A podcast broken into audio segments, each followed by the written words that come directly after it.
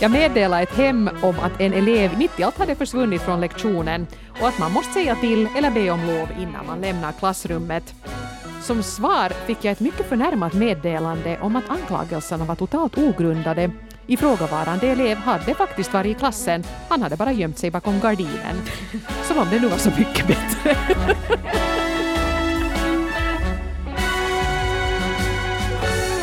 Ja, här för en tid sedan så efterlyste vi ju era förslag på sånt som vi borde ta upp här i relationspodden Norrena och Frans. Och vi hade till och med några chokladaskar som vi fick skicka till några av er som hörde av sig. Och de är nu ivägskickade och jag hoppas att de har hittat fram också. Men jag måste nu säga att wow, igen.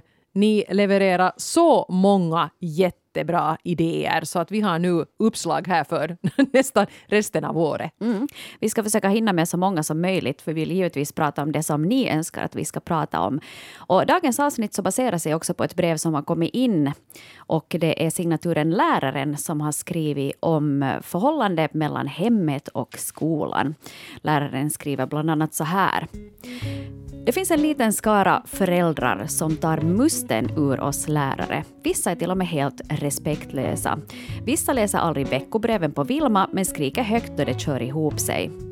Jag har tröstat unga kollegor som fått Vilma-meddelanden som det formligen osat om. Och jag brukar be dem kolla klockslaget då föräldern har författat de här raderna. Om det är klockan 01.26 så kan man ju dra sina slutsatser. Men kom ihåg, skolan är en läroinrättning, inte en service där familjerna är betalande kunder som alltid har rätt. Så skriver läraren i 50-årsåldern. Så där tänkte vi att nu hakar vi på och eh, vill veta mera om hur relationen mellan hem och skola och lärare egentligen fungerar. Eh, och eh, ja, det här Vilma, jag tänkte att en kanske inte vet. Har man inte barn i skolan just nu så kanske man inte vet vad det är. Vilma är det moderna. För när jag gick i skolan så hade man ett sådant litet häfte som var det som tjänstgjorde som kommunikation mellan lärare och föräldrar, var man då kunde skriva in mm. hälsningar till föräldrarna, alltså bar eleven det fram och tillbaka. Men Vilma är då en elektronisk motsvarighet som jag tror inte används i riktigt hela landet och på en del håll så ska man väl till och med frångå att använda Vilma. Men just nu är det ett sånt här stort kommunikationssystem där man kan skriva in betyg och allting och sånt här finns ju där nu för tiden. Ja, skriver man information till hemmen vad de behöver. Man kan också skriva direkta meddelanden till lärare eller till någon annan eh, personal i skolan skolan. Eller meddela att idag är eleven krasslig och stannar hemma och sånt här. Så att mm. det är mycket, mycket som är bra med Vilma, men som vi kommer att märka så finns det också en del grejer som kanske inte är så där jättebra. Ja, till exempel lektionsanteckningar. Mm. Nu har Pelle tappat sin penna på golvet. Pling, Igen. säger det i mammas telefon när hon sitter på sitt möte. Ja. Och, och sådär, att det kan, vissa, vissa tycker att det här är bra och vissa irriterar sig jättemycket. Och idag så ska vi prata om, om eh, hur den här kommunikationen både ur föräldrarnas men också ur lärarnas synvinkel synvinkel och förhoppningsvis så kan vi på något vis mötas på mitten. Men eh, många, väldigt många men, Framförallt lärare har hört av sig. Och nu måste vi säga det här jättetydligt. Vi kommer ju att korta ner breven. Men jag skulle kunna säga att 100 procent av de här lärarna som har skrivit till oss vill poängtera det här att de här problemen gäller ett fåtal föräldrar. Folk säger att 99 procent av föräldrarna är helt okej okay, eller till och med jättetrevliga. Att det här faktiskt är ett problem som gäller ytterst få som beter sig illa när det gäller kommunikationen. Så jag vill bara ha det sagt. Mm. Så, eftersom vi antagligen kommer att korta bort den meningen från många brev. Men alla har skrivit så. Ja, ja de flesta föräldrar så är ändå helt, helt okej. Okay. Uh, vi skulle kunna börja i den här gigantiska brevskörden som vi har med klassläraren 30 som har skrivit in ett direkt svar till veckans brevskrivare. Skriver så här. Vad bra att ni tar upp detta ämne. Jag känner igen många punkter som brevskrivaren lyfte upp. Det som kanske är det jobbigaste är när det krävs och krävs av läraren och föräldrarna inte tycker att man gör tillräckligt. Som lärare känner man sig i princip otillräcklig hela tiden. För faktum är att du är så gott som ensam med en hel klass, så du räcker inte till helt enkelt. Man skulle alltid vilja hinna med mera, hjälpa mera, prata mera med varje enskild elev och så vidare, men det går inte. Jag håller också med om det där att skolan har blivit mer som en serviceenhet där elever och föräldrar är kunder som får kräva vad som helst.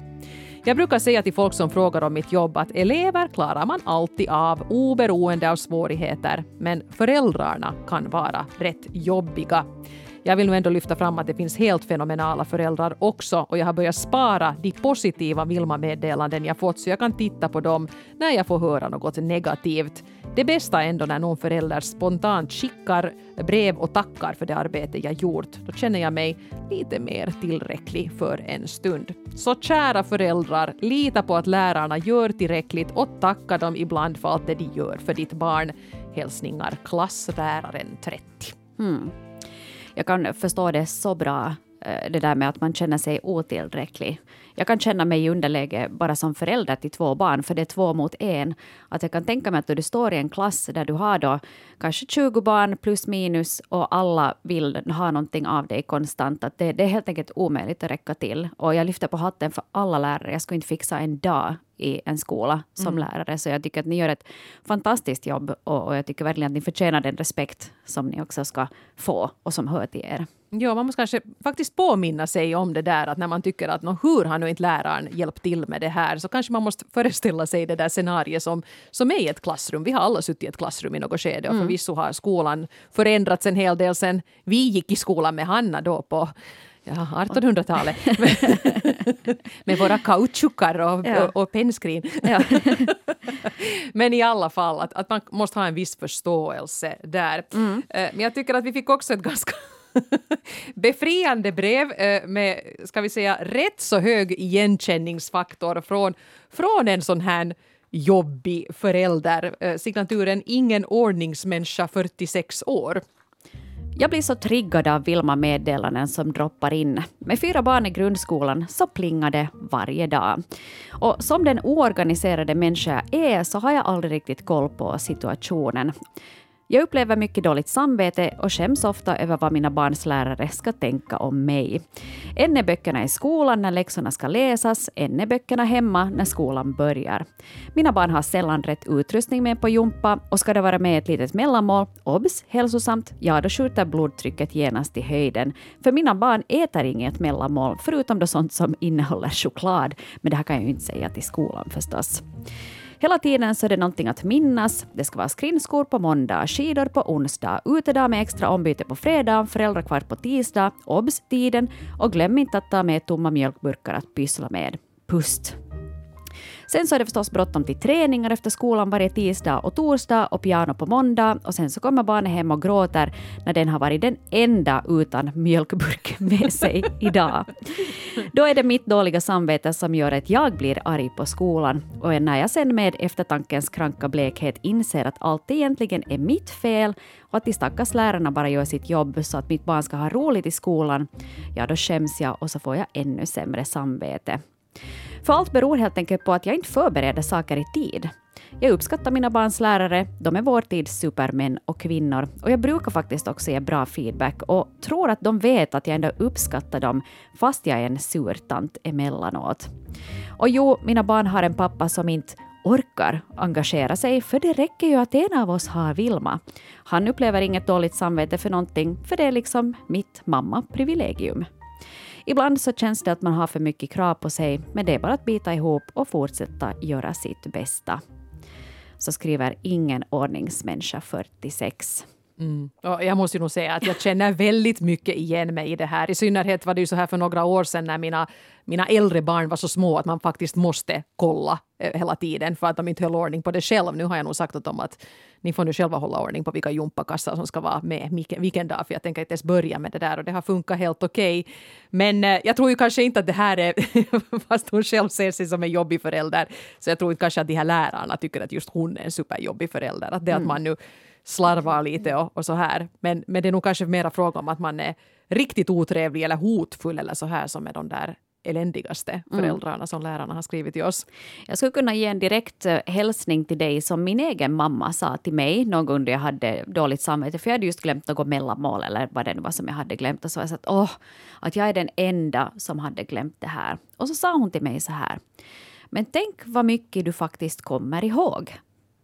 Mm. Och det där brukar jag tänka på alltid emellanåt, att fast det nu glöms de där den där ena dagen, eller du är försenad till pianolektionen, så jag menar, den allra största delen så sköter du ändå helt okej. Okay. Och det gör jag också. Jag tycker att man måste tänka lite good enough. Har du fyra barn att hålla reda på, det är ingen lätt grej alltså. Vi borde få en sån här VD-lön egentligen bara för det där föräldraskapet.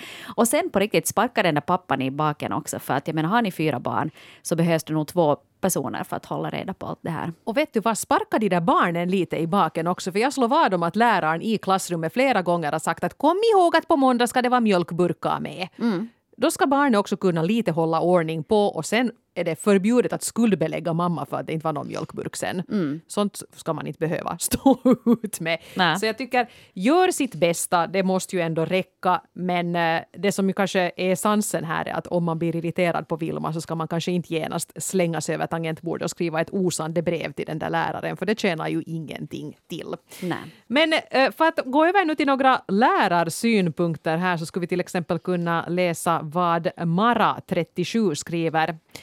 En del av kommunikationen sker numera via WhatsApp och i synnerhet där förväntar sig nog vissa föräldrar att läraren ska vara tillgänglig dygnet runt. Vissa föräldrar blir osakliga och helt för personliga på WhatsApp och jag får agera allt från psykolog till stödperson utöver rollen som lärare. Jag räknar med att jag under förra höstterminen fick över 100 meddelanden på WhatsApp av en och samma förälder och det var ofta långa meddelanden. Själv svarar jag alltid kort, hövligt och neutralt men ändå fortsätter den här strömmen av meddelanden. Skriver Mara, 37. Föräldrar, skriv inte till lärarens privata telefon utanför arbetstid. Nej. Det skulle jag nog ge som en riktlinje. Jag har, jag har bara mitt ena barns äh, telefonnummer för, för hon har haft äh, mina barn i snart äh, sex år så vi känner varandra ganska bra. Och eh, någon gång så kan vi skicka någonting, men då är det ändå på skoltid. Att det skulle aldrig falla mig in att skriva utanför skoltid. På Vilma har jag nog skrivit också efter skoltid. Men där tycker jag också att det gäller samma regel som, som på ett jobb. Att, att om jag nu skriver fast ett mejl till, inte till dig Eva, för det kan jag få kontakt med när som helst. Men, men om jag nu skriver fast till min producent på Vega ett mejl så förväntar jag mig inte ett svar. Fast jag skickade klockan nio på kvällen så förväntar jag mig att men du läser det sen när du har tid. Och jag skriver det till och med ibland i så här, eh, den här rubriken att obs läs när du är på jobb. För det där är ju ofta faktiskt, jag skriver också ibland på Vilma på kvällen för att det är då jag har, jag hinner och jag på något sätt mentalt är, kanske prata med barnen om något som har med skolan att göra. Eh, så att bara något anmälningsärende och sånt här. Och så kan jag bli riktigt sådär irriterad för att läraren svarar att jag var så att nej, nej, ska du läsa det här nu? Att nu störde jag ju dig, att det var inte alls meningen. Mm. Att läs det här först när du är på jobb, att jag förväntar mig absolut inget svar förrän imorgon där efter åtta någon gång. Mm. Så att det, det tycker jag är en bra poäng. WhatsApp är ju nog... Mm. Jag tycker det kommer för nära, för att jo. Vilma är ändå en, en uh, tjänst som du kan välja att öppna, men om du får ett meddelande till din privata telefon så, så blir du ändå påmind om jobbet. Jag tycker att vi behöver respektera lärarna och deras privatliv och deras fritid också. Mm. För de kanske sitter just nu och skriver osande meddelanden till sina egna barns lärare. vad vet jag? Vad vet jag? Ja, det är, för, det är för personligt. Också det där med att ska man vara vän med barnens lärare på Facebook till exempel, om man är jämnåriga och sådär. Ja, ja det är lite... Ja. Jag fick någon gång för mig, jag skickade någon gång, kommer jag då barnen var på dagis, så skickade jag en vänförfrågan på Facebook till ett av barnens dagislärare. Och då sa eh, hen nästa dag sådär att hej, eh, tack för jag såg din vänförfrågan, men vi har en policy här på skolan att vi får inte vara vänner okay. med eh, föräldrarna på sociala medier. Och jag tyckte att ja, men det, det är ju egentligen ganska bra. För då behöver ju inte föräldrarna oroa sig för att åh, nu säger min lärare att här har jag varit på Ibiza och Partaja.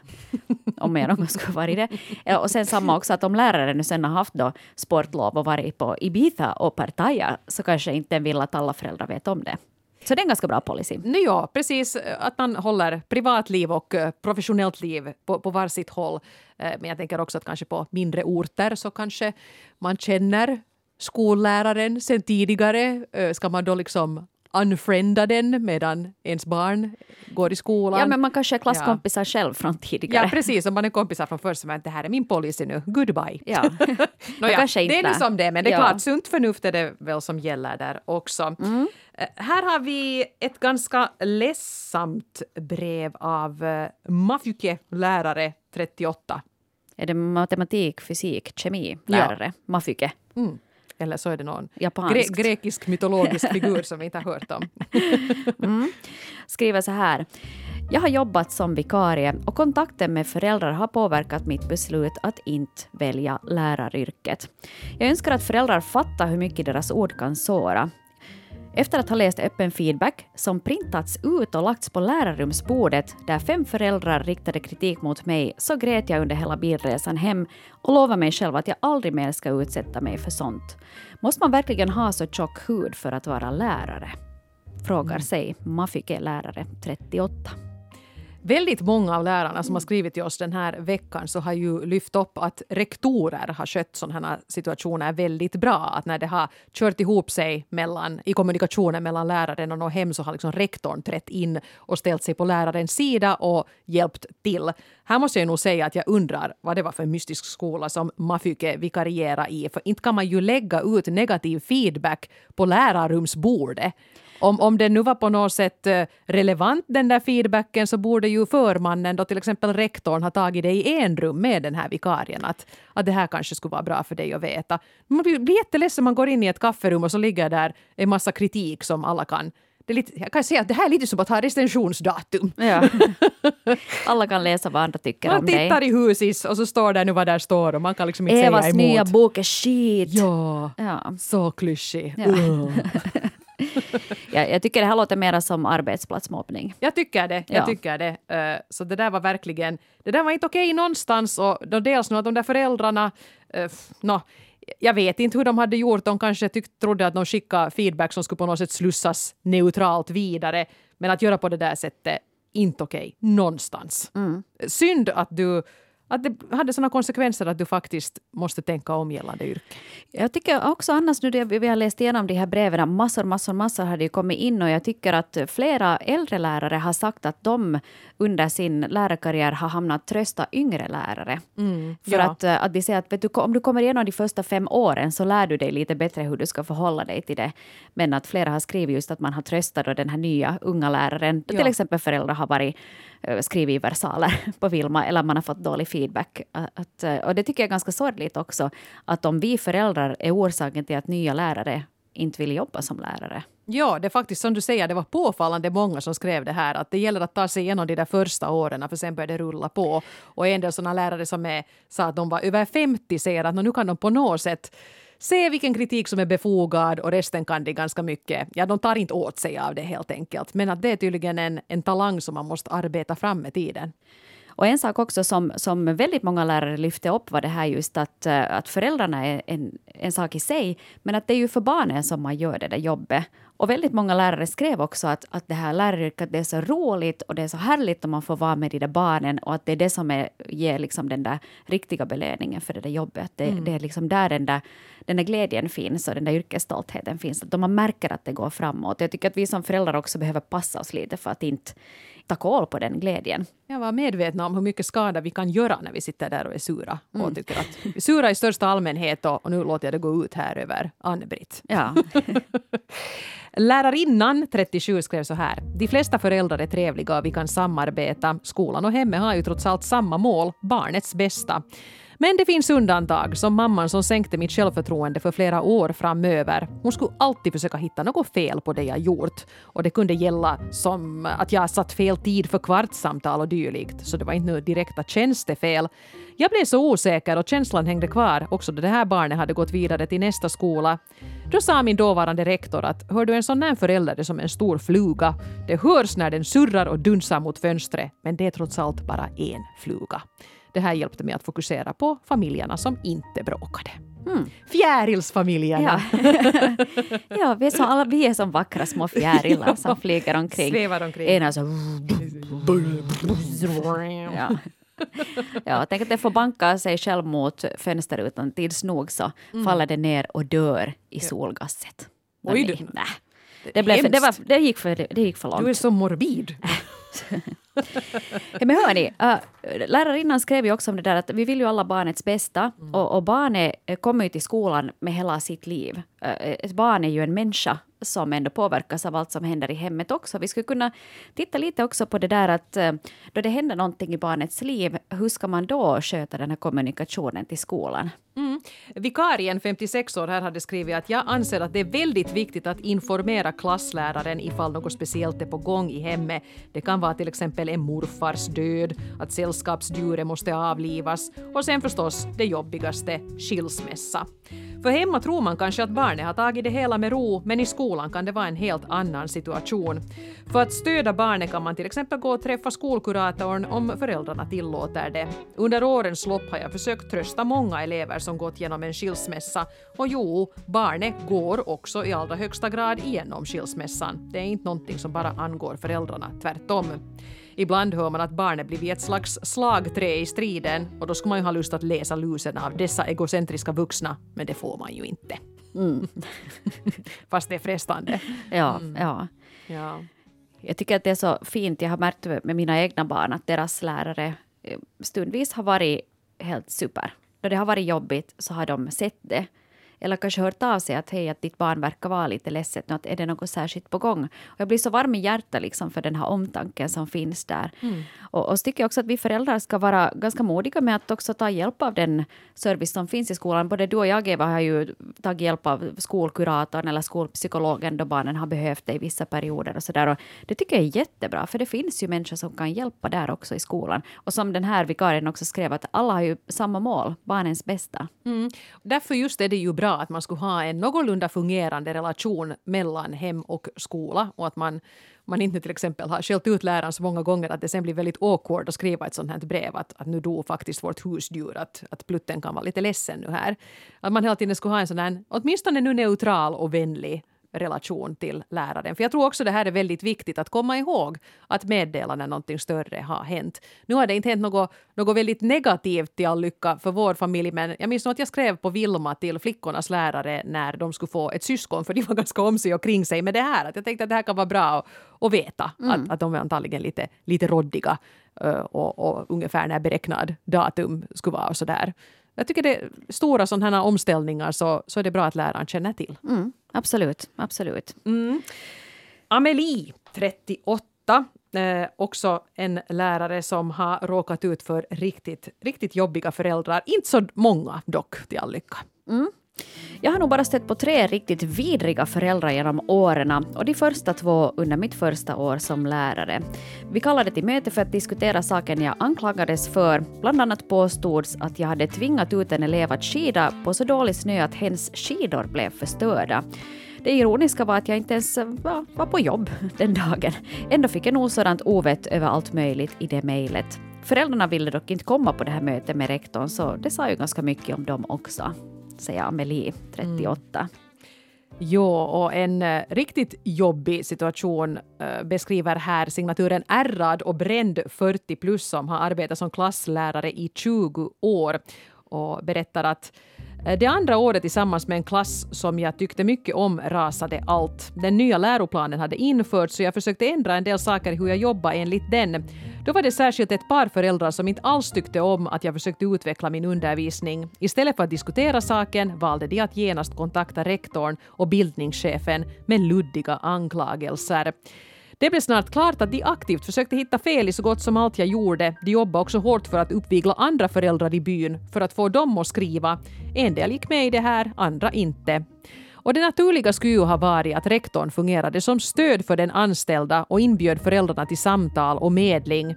Men nu gick rektorn istället i praktiken med i anklagandet samtidigt som hen vägrade låta mig ta del av meddelandena med anklagelser.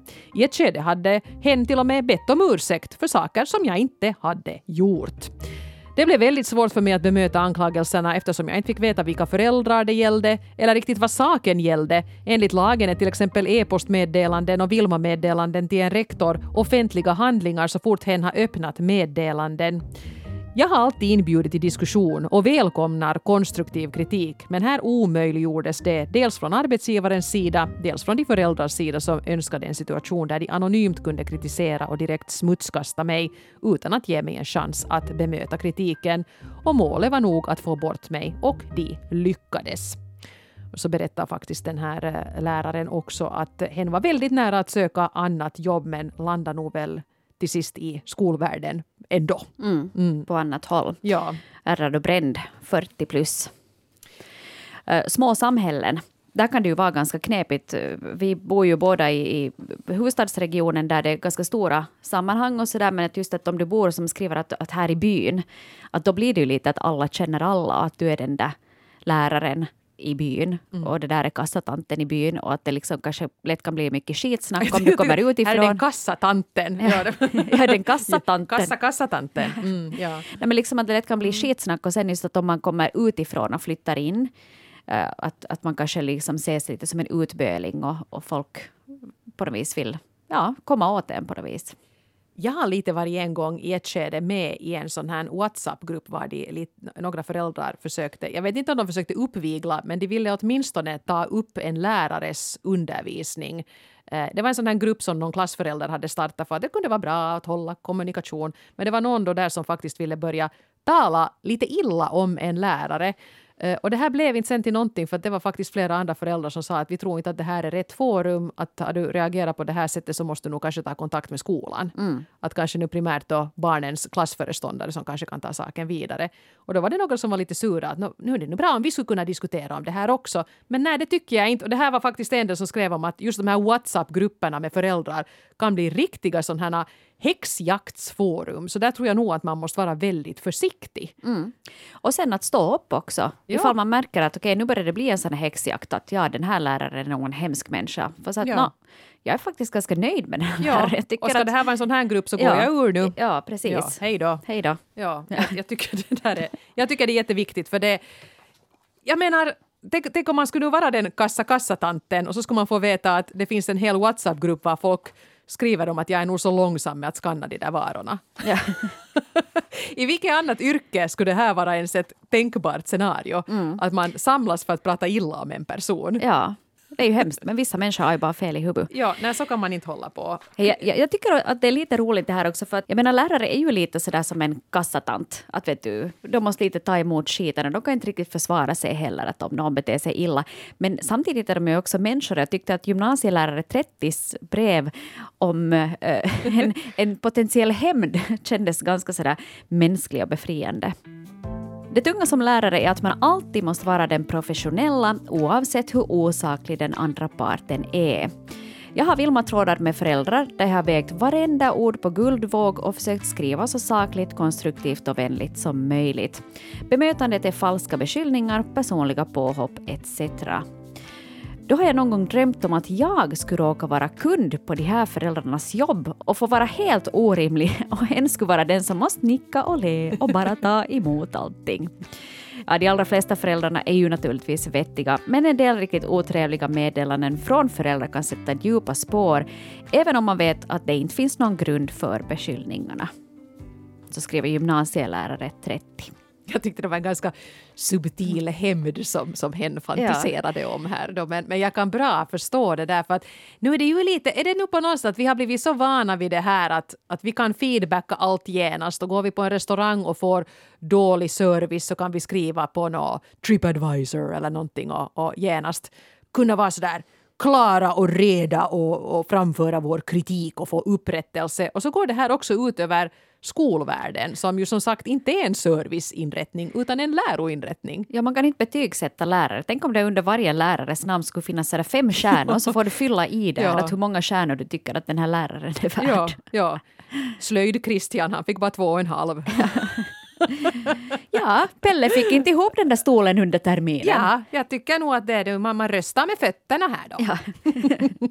Eller med klicken. Nej, det var hemskt det skulle vara. Ja. Men, men ja, det... det usch, usch. Nåja, uh, jag tycker nog faktiskt också lärare sen 97 uh, eh, säger en, har en mycket bra poäng här när hen skriver Vissa föräldrar borde inse att deras barn är fullt kapabla att ljuga det finns gånger då föräldrar bett mig som lärare att ta bort en anmärkning eftersom barnet hemma har sagt att det som läraren har skrivit under anmärkningen inte stämmer. Mm. Klart att de säger det! Det har jag nog säkert också sagt. Jo, men jag hade nog geografiboken med, den var bara mm. osynlig. Här har också signaturen Respekt 48 skrivit in och det här är alltså en, en förälder som har skrivit eh, på samma tema. Jag anser att lärarna är yrkesmänniskor och jag litar på att de kan sitt jobb. Men jag har hört många hårresande exempel på vad som händer i klassrummet under dagen och jag förstår inte hur dagens lärare orkar. Många barn har ingen respekt för vare sig lärare eller klasskompisar och andras rätt till arbetsro. Högljutt klagas det på att det är tråkigt, att man inte orkar, att man kan inte jobba i gruppen för man har råkat hamna i den för den är dålig. Och man kan inte jobba i par med den och den för hennes si och så förolämpningar av och uppmaningar åt klasskompisar att hålla käften. Märks det att Hannas barn går i skola i Esba? Får de här barnen bestämma allt hemma hör de aldrig ordet nej. Jag vågar inte tänka på hurdana föräldrar vissa barn har. Min tolvåriga dotter har blivit lärd hemma att världen inte kretsar kring henne och att ibland så måste hon bara hålla tyst, gilla läget och göra som hon blir tillsagd. Skolan ska inte bara vara chim och tjo. Det gäller att göra sitt bästa trots att man kanske inte gillar uppgiften, att vara snäll och respektera andra, men att också våga stå på sig på ett respektfullt sätt om man till exempel blir oskyldigt anklagad för någonting. Vett och etikett, sunt bondförnuft och att respektera andra ska de lära sig hemma från början. Men elever som inte får sånt här hemma har väl föräldrar som inte kan det heller, eller? Och det är alltså inte konstigt om kommunikationen mellan skolan och hemmen är som den är i vissa fall. Så skriver Respekt 48. Mm. Så bra påminnelse. Och det talas ju ganska mycket om det här just att det är skolans uppgift att uppfostra, att uh, lära dem hur man ska vara i vissa situationer. Förstås, där är de ju en grupp, att de måste ju lära sig hur man är. Men uh, dagens barn har liksom en sån känsla av berättigande. Lite samma som de här föräldrarna också som du sa, att man har fått dålig service på restaurangen, så då ska man genast klaga på ett internetforum. Mm. Och, och, vissa barn kanske tänker samma sak och är just så här liksom otrevliga och, och själviska i en skolmiljö. Det var en som, lärare, en 40 år, som skrev just om det här att jag har svårast med föräldrar som har en väldigt trotsig inställning till auktoriteter och redan tidigt lär ut till sina barn att läraren och skolan behöver man inte ta på allvar och att deras barn minsann har rätt till sin egen åsikt och sitt sätt att göra saker även om det skulle innebära att bryta mot skolans regler.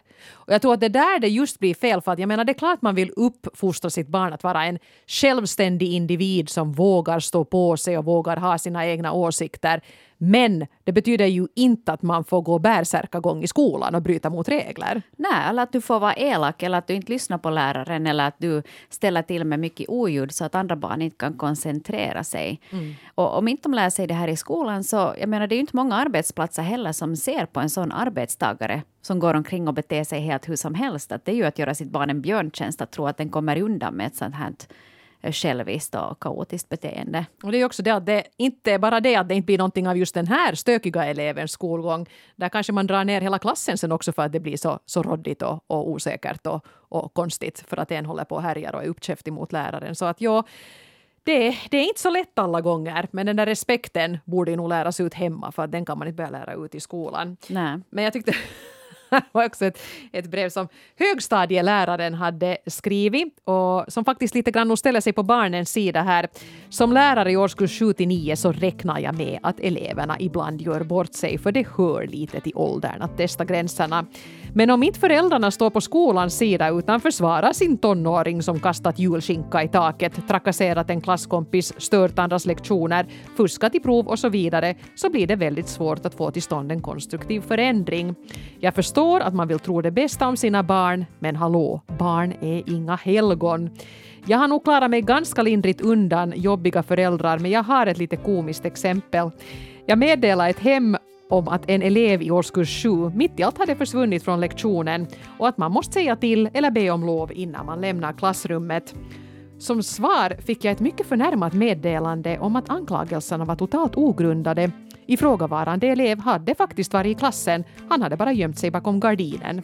Som om det nu var så mycket bättre.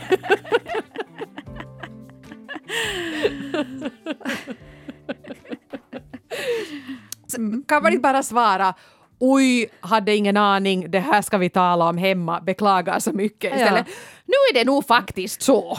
Han var Han i klassrummet. var ju där. Ja. Han stod bakom gardinen hela lektionen. Oj, hjälp.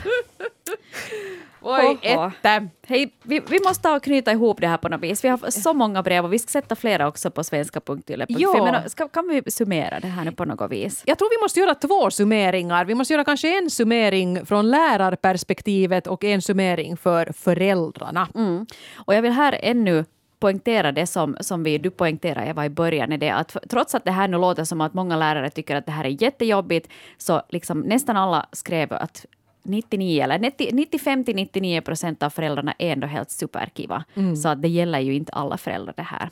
Men vi börjar fast med, med lärarna nu här. Mm. Och nu är det ju alltså inte jag och Hanna som har hittat på de här råden, utan det här var sådana råd som dök upp i de här breven. Så det här är då från en lärare till en annan, några punkter som kan vara bra att tänka på Kanske framförallt om man är en yngre lärare som försöker hitta sitt, sin stil att kommunicera med hemmen. Eh, men det som Hanna redan nämnde, flera vittnar om det här att ju äldre och ju mer erfaren du är, desto lättare kommer du att ha att ta griniga föräldrar med en nypa salt. Kanske då skilja på konstruktiv kritik och sånt som är osakligt och som man ska försöka att inte ta åt sig av. Mm. Sen så uppmuntrar man också till att skriva positiva och neutrala saker på Vilma och att resten är bättre att ta via telefon. Många mm. skrev just om det här med att det blir lätt såna kommunikationsmissar, man kanske misstolkar och att det kan bli onödigt krockel. Ja, precis. Ja, det är en bra tumregel det där. Att ska mm. man faktiskt då skriva om någonting väldigt negativt eller ha någonting som, som en elev har gjort som har varit riktigt tokigt så är det kanske bättre att försöka ta det per telefon. Mm. Mm, en bra poäng. Eh, sen var det flera som sa det här då, att man måste sätta de där gränserna själva och inte vara anträffbar dygnet runt. Att kanske till exempel just säga att okej, okay, jag svarar mellan 8 och 16 och kommer någonting efter det så svarar jag när jag har möjligheten. För att annars kanske man sitter där och faktiskt är den här jourhavande psykologen och problemlösaren och då hinner man inte ha ett privatliv överhuvudtaget. Nej, och då ska du få en psykologs lön för det också. Mm. Mm. Och den sista regeln, rörande överens, vi kan ta det i kör. Ta, ta ingen skit. Lärare, det ska Nej. ni inte behöva göra. Ja, inte, nåja, elever beter sig som elever gör, men åtminstone av föräldrar så ska man inte behöva stå ut med osaklig behandling. Mm. Föräldrarna då, nu ska vi ta åt oss. Mm. Nummer ett, lita på lärarna. De gör sitt bästa. Ja, försök nu lita på det. Mm. Och sen det här. Skriv inte på Vilma i affekt. Jag har nog någon gång fått något sånt här meddelande som jag just då blev irriterad på. Det kan just ha haft att göra med skidor skrivna med versaler. Att, göra, att det kom från läraren ett sånt här mejl att imorgon skidor hela skolan och alla ska ha med egna skidor och det ska vara namn på. Och, och det var på något sätt var det då du skrev att ja. du kan ta de där stavarna och sticka upp dem någonstans? Nej, jag gjorde inte det, utan faktiskt jag skrev inte svaret genast och så skrev jag väl inte ett svar alls för att uh, no, jag blev sådär att jag menar mina barn har inga skidor, för vi tycker inte om att åka skidor och jag tycker inte att skolan kan kräva att vi ska köpa varje, no, nu är det mycket snö i år, men att vi varje år ska ha då nya monor och stavar och fan och hans moster, för att vi tycker inte om att skida och skolan ska inte behöva kosta och så här. Så Sen, sen nu när jag tänker efter så var det här ju säkert en jättestressad lärare som hade påmint sina elever om detta i två veckor och det verkar inte gå hem. Och då skrev hon då ut den här infon ännu till alla hem att vi har ju den där skiddagen att, att försök, försök nu. nu. ja. Och, och, då blev det kanske lite, lite jag menar, man kommer åt caps lock ibland av misstag, det kan hända den bäste. Uh, och uh, då blev det ju antagligen sådär väldigt befallande och anklagande och så här, fast det säkert inte var menat så. Mm. Så jag är glad att jag inte i affekt skrev det som jag hade lust att skriva. Ja, och det här för oss, det är egentligen det som nästa punkt handlar om också, att är du stressad, eh, det är inte lärarens fel, så ta inte ut det på henne. Ja, exakt. Jag vet ju det här som den här oorganiserade föräldern var inne på här, att när man tycker att allt är råddigt så känns ju Vilma som en sån här stor sån här sånt här åskmoln som svävar omkring med dåligt samvete att här är det samlat allt som jag har glömt. Ah! Och, och, då får man dålig filis. Mm. Uh, men man måste kanske ändå fundera på att man tar ut sin stress, gå och boxa på en boxboll eller någonting. Mm. Gör, gör något annat, men skriv inte till läraren, Nej. för det är ju inte lärarens fel. Och sen det här, förvänta dig inte svar under kvällar och veckoslut. Läraren är inte på jobb då, lämna mm. läraren i fred. Och kom ihåg att berömma läraren också. Det är så bra, det var många som skrev om det här att när man sen mitt i allt får något positivt så det värmer så otroligt mycket. Mm. Så här, nåja. Eh, nu är det ju på en del håll i landet det sportlov som bäst och på andra håll i landet håller sportlovet på att börja. Men tänk om man skulle ta och inleda den här sista snutten av vårterminen med att alla skriver något snällt till barnens lärare. Ja, en kärleksbomb på Vilma. Ja. Du kan se hela Svenskfinlands alla datorer och telefoner säger bara så kommer det upp sån här rosa glitterdimma. Alltså det, det skulle inte vara med om Vilma bara skulle krascha. Alla rektorer är sådär nej! Norren av Frans, säg inte så här. Vi kommer inte åt någonting. Vilma gick upp i rosa rök. Ingen saknar henne. Tack, både föräldrar och lärare. Vi kämpar vidare. Vi gör det. Ha det bra. Vi hörs igen nästa vecka. Yes. Hej då!